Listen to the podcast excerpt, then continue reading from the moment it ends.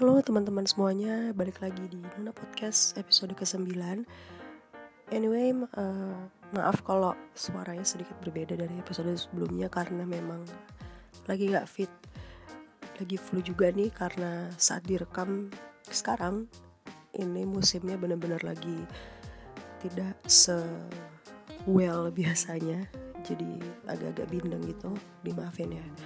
Oke, di bahasan episode kali ini pengen ngebahas soal support system.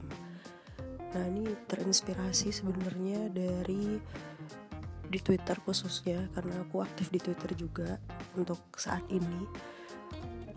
Ada beberapa retweet dari temenku yang sebenarnya enak juga ya kalau dijadiin bahan sharing gitu dan aku bisa cerita sebenarnya penting gak sih punya support system dan apakah support system itu bisa menjadi suatu hal yang toksik gitu kan. Oke okay. yang pertama mungkin ketika masa-masa sekolah bahkan sampai kuliah sekarang itu dulu kita bisa milih duduk dengan siapa atau mau kumpul sama siapa. Pokoknya bebas deh mau main sama siapa aja karena tiap hari pasti ketemu kan. Dan orang-orang itu lagi yang kita temuin. Nah mungkin karena tiap hari kita ketemu itu jadi alasan kenapa kita dan orang-orang yang ada di sekeliling kita tuh jadi dekat dan akrab. Ya kan? Pasti tentunya memang iya dulu kalau boleh cerita sih uh, dulu bisa dibilang aku tuh temennya itu itu aja. Bahkan dari SD temen aku nggak banyak. Dan dari SMP pun juga temennya itu lagi itu lagi. Bahkan SMA ya sudah mulai agak berbaur ya.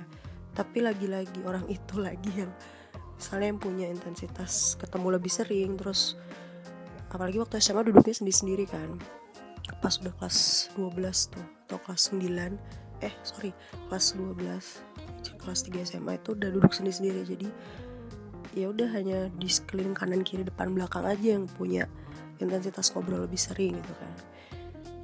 Nah tapi semakin beranjak dewasa akan makin kerasa bahwa tiap hari tuh waktu yang udah kita curahkan untuk sekolah khususnya udah sampai kuliah ini tapi semakin beranjak dewasa akan makin kerasa banget kalau tiap hari itu waktu kita habis untuk sekolah atau ngelakuin kegiatan yang benar-benar kita suka atau bahkan di usia usia sekarang ini banyak waktunya udah habis buat kerja.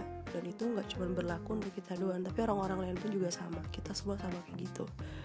Oke okay Nah, kalau boleh ngomongin realita yang sekarang sih yang aku lihat, aktivitas atau pekerjaan kita itu kadang bikin kita jadi apa ya uh, stagnan atau gimana ya nggak bisa dideskripsikan lah gitu. Dalam arti uh, ngedown. Nah, selain paling pas tuh kalau kita benar lagi down, mungkin di kuliah kita lagi ada problem atau mungkin mahasiswa semester akhir yang sedang bergumul dengan skripsinya atau yang fresh graduate tapi belum dapat kerjaan. Bahkan yang di kerjaan pun mungkin gak bahagia dengan partner kerjanya dan lain sebagainya kan? Tapi sebagai seseorang yang merasa bagi segelintir orang itu menurut mereka independen punya tanggung jawab yang tinggi kadang muncul pemikiran kalau bergantung pada orang lain nih kesannya malah lemah atau bahkan simpelnya nggak pengen merepotkan. Nah itu juga kejadian di aku gitu. Jadi uh, orang-orang bilang gitu ya ngecap kayak ngecap aku tuh so kuat gitu apa apa bisa sendiri. Bilang kalau bantu tuh bilang sampai ada temen yang gemes sendiri bantuin kayak jangan so kuat gitu gitu kan. Nah gimana mungkin aku merepotkan orang dengan masalah yang menurut orang lain mungkin sepele tapi gini aja nggak bisa nyelesain gitu kan. Kadang ada kalanya nggak penting juga sih ukuran besar atau kecil masalah kita hadapi. Mungkin ada yang merasa udah bisa nyelesain hanya dengan berdialog gitu dengan diri sendiri. Nah kalau aku nih tipe yang ini bisa dibilang mungkin aneh ya tapi kalau memang lagi sendiri di kamar atau agak tengah malam atau lagi di suatu tempat yang benar sendirian ya kontemplasi aja gitu. Sendirian bener-bener uh, no phone nggak ada yang nemenin juga. Jadi ambil waktu khusus buat ya udah me and myself gitu. Eh dia istilah anak-anak urban gitu me and myself gitu kan. Nah atau mungkin ada yang langsung dua arah gitu kepada sang pencipta. Hanya bisa lewat doa atau mungkin sholat dan lain sebagainya kan tapi menurutku se-independennya kita tapi adalah sisi sebagai kita makhluk sosial. Kita juga butuh komunikasi dengan manusia lain. Berarti dua arah gitu. Nggak memandang lawan jenis. Masa sama jenis juga iya kok. Cewek sama cewek sama cowok sama cowok juga gitu. Nah setelah muncul rasa itu ada rasa takut yang ngeganjel ketika aku mau cerita nih. Gitu aku mau sharing aku sebenarnya tuh lagi gini gini gini loh ada dua kemungkinan ya. Entah karena takut uh, orang kita ceritain itu bakal nggak suka atau memang karena nggak mau atau udah lelah dengan masalah mereka sendiri. Atau yang kedua kita nggak ingin merasa diri orang lain tentang pola pikir kita dan cara ngadepin. Mak takut dijudge tuh kita nggak dewasa lah. Jadi kita nggak ya lah gitu aja gak bisa sih gitu. Berarti disepelein. Ya kan? Nah uh, coba aku ajak teman-teman juga yang dengan podcast ini mungkin bisa sedikit flashback ya atau mungkin memikirkan ada berapa orang sih yang mungkin akan dengan senang hati nawarin bantuan ketika kamu butuh. Atau mungkin coba dihitung berapa kali kita tuh dapat eh bukan dapat maksudnya kita berapa kali skip bantuan gitu. Nah ini juga satu pertanyaan juga yang sebenarnya aku juga jadi flashback juga sih ketika aku sebelum rekaman ini aku mencoba untuk mikir-mikir ke belakang gitu. Aku tuh uh, ada beberapa orang ya yang bener-bener volunteer bantuin aku gitu up and down lah selama ini. Apalagi kan masih kuliah juga semester akhir dan pada skripsiku tuh penelitian yang harus bener-bener di lahan bukan skripsi kualitatif. Jadi kayak wow capek sih capek. Cuman aku bersyukur ada beberapa orang sebenarnya dikit banget yang daun sukarela tuh membantuin aku sampai selesai bahkan sampai panen. Dan aku bersyukur banget dengan kehadiran mereka. Nah oke okay, balik lagi ke topik yang yang sekarang mau sharing nih. Tapi ada banyak kemungkinan juga tentang siapa yang sebenarnya bisa nolong kita ketika kita butuh pertolongan tergantung seperti apa permasalahannya. Ya kan? Nah di sini garis besar adalah support system tuh penting banget. Mungkin banyak sebagian orang introvert menganggap ah nggak penting gitu. Ya udahlah me and myself bisa menyelesaikan itu. Tapi balik lagi yang aku jelasin tadi seindependennya kita kita tuh adalah makhluk sosial. Kita tetap butuh lah bantuan orang lain. Even it's simple things kan kita juga nggak pernah expect kan. Pasti kita butuh sedikit bantuan atau sedikit dukungan lah dari orang lain gitu kan. Nah tapi support system itu beda dengan social support. Nih ya aku juga udah riset-riset menurut Merriam-Webster support system itu adalah a network of people who provide an individual with practical or emotional support. Jadi support support system itu adalah tim ya kan? Network of people who provide menyediakan uh, apa ya yang bisa langsung kamu approach gitu loh kamu bisa langsung menjangkau orang itu lebih dekat gitu.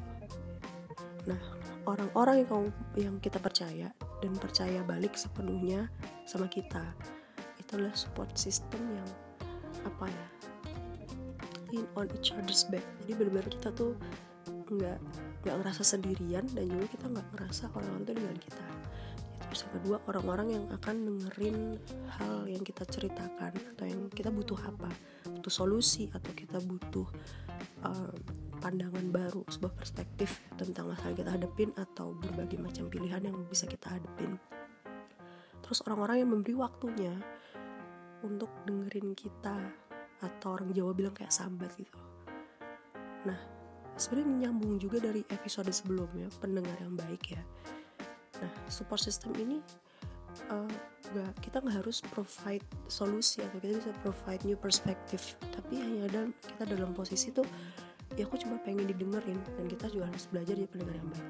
Cukup duduk diam atau mungkin cuma ya udah dengerin dia ngomong lihat matanya ya udah gitu. Jadi kita tahu uh, apa gitu. Nah orang-orang yang tanpa orang-orang ini enggak apa ya tanpa perlu kita ngomong gitu. Udah kelihatan sendiri ah ini paling lagi galau. Eh kenapa? gitu ya. Bisa jadi muncul pertanyaan. Dan orang-orang ini mampu ngerti dan uh, mudeng gitu loh. Nanti uh, sos apa ya bentuk emosional support apa sih yang kita butuhin gitu kan. Nah yang paling penting itu kita harus ngerasa aman kalau kita cerita sama teman-teman atau ya lingkungan support system lah bisa tuh bisa keluarga atau siapa pun. Karena tahu kalau mereka nggak akan menilai kita dengan seenaknya nggak mungkin ngejudge gitu kan.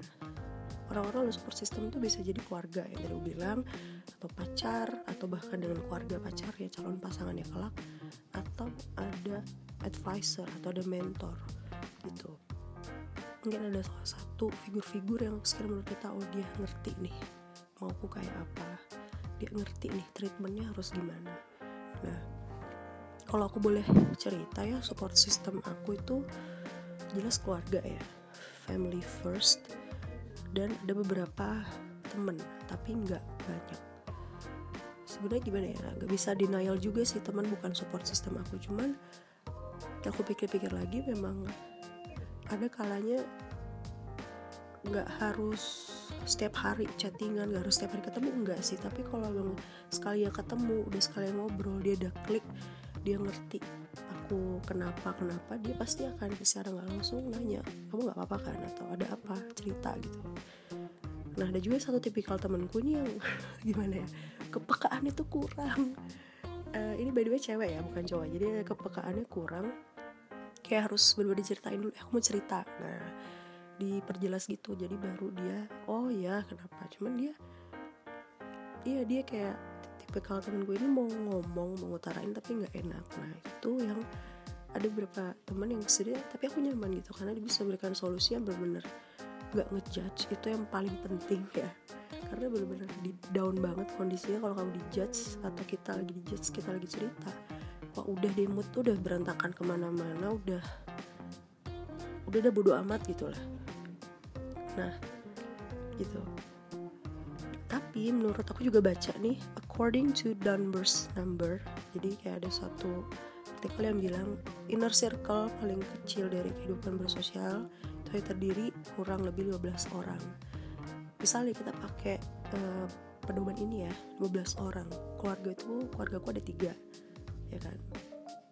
Terus temen aku tuh juga nggak banyak ya sekitar dua atau tiga orang tuh lima jadi lebih ya orang itu itu lagi yang akan kita temuin setiap nggak harus saat sedih deh. Pokoknya yang penting support system itu nggak harus diasumsikan sebagai sesuatu yang menjadikan loh ya. Tapi bisa juga jadi temen atau rekan komunikasi saat kita ngambil keputusan-keputusan penting hal-hal besar yang kita bener-bener nggak bisa memutuskan ini sendiri. Contoh kerjaan misalnya ke pekerjaan pertama kan pasti orang tua akan andil banyak banget kan.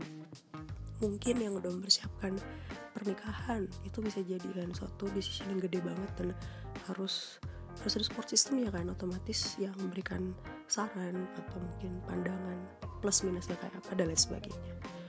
Nah menurutku dengan ada support system gitu kita jadi bisa manage kehidupan pribadi dengan lebih baik gitu. Jadi nggak akan ada yang namanya curi-curi perhatian dari sosial media entah cara-cara nggak jelas atau posting-posting hal negatif ya.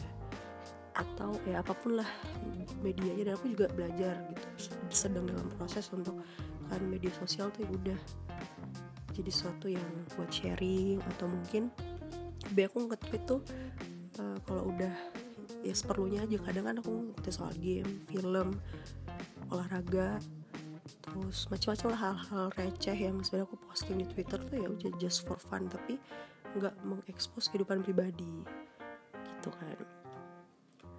Terus uh, saran dan mungkin buat ke depannya teman-teman mungkin yang belum sadar oh ya ternyata aku tuh benar-benar apa ya punya keluarga yang sangat suportif.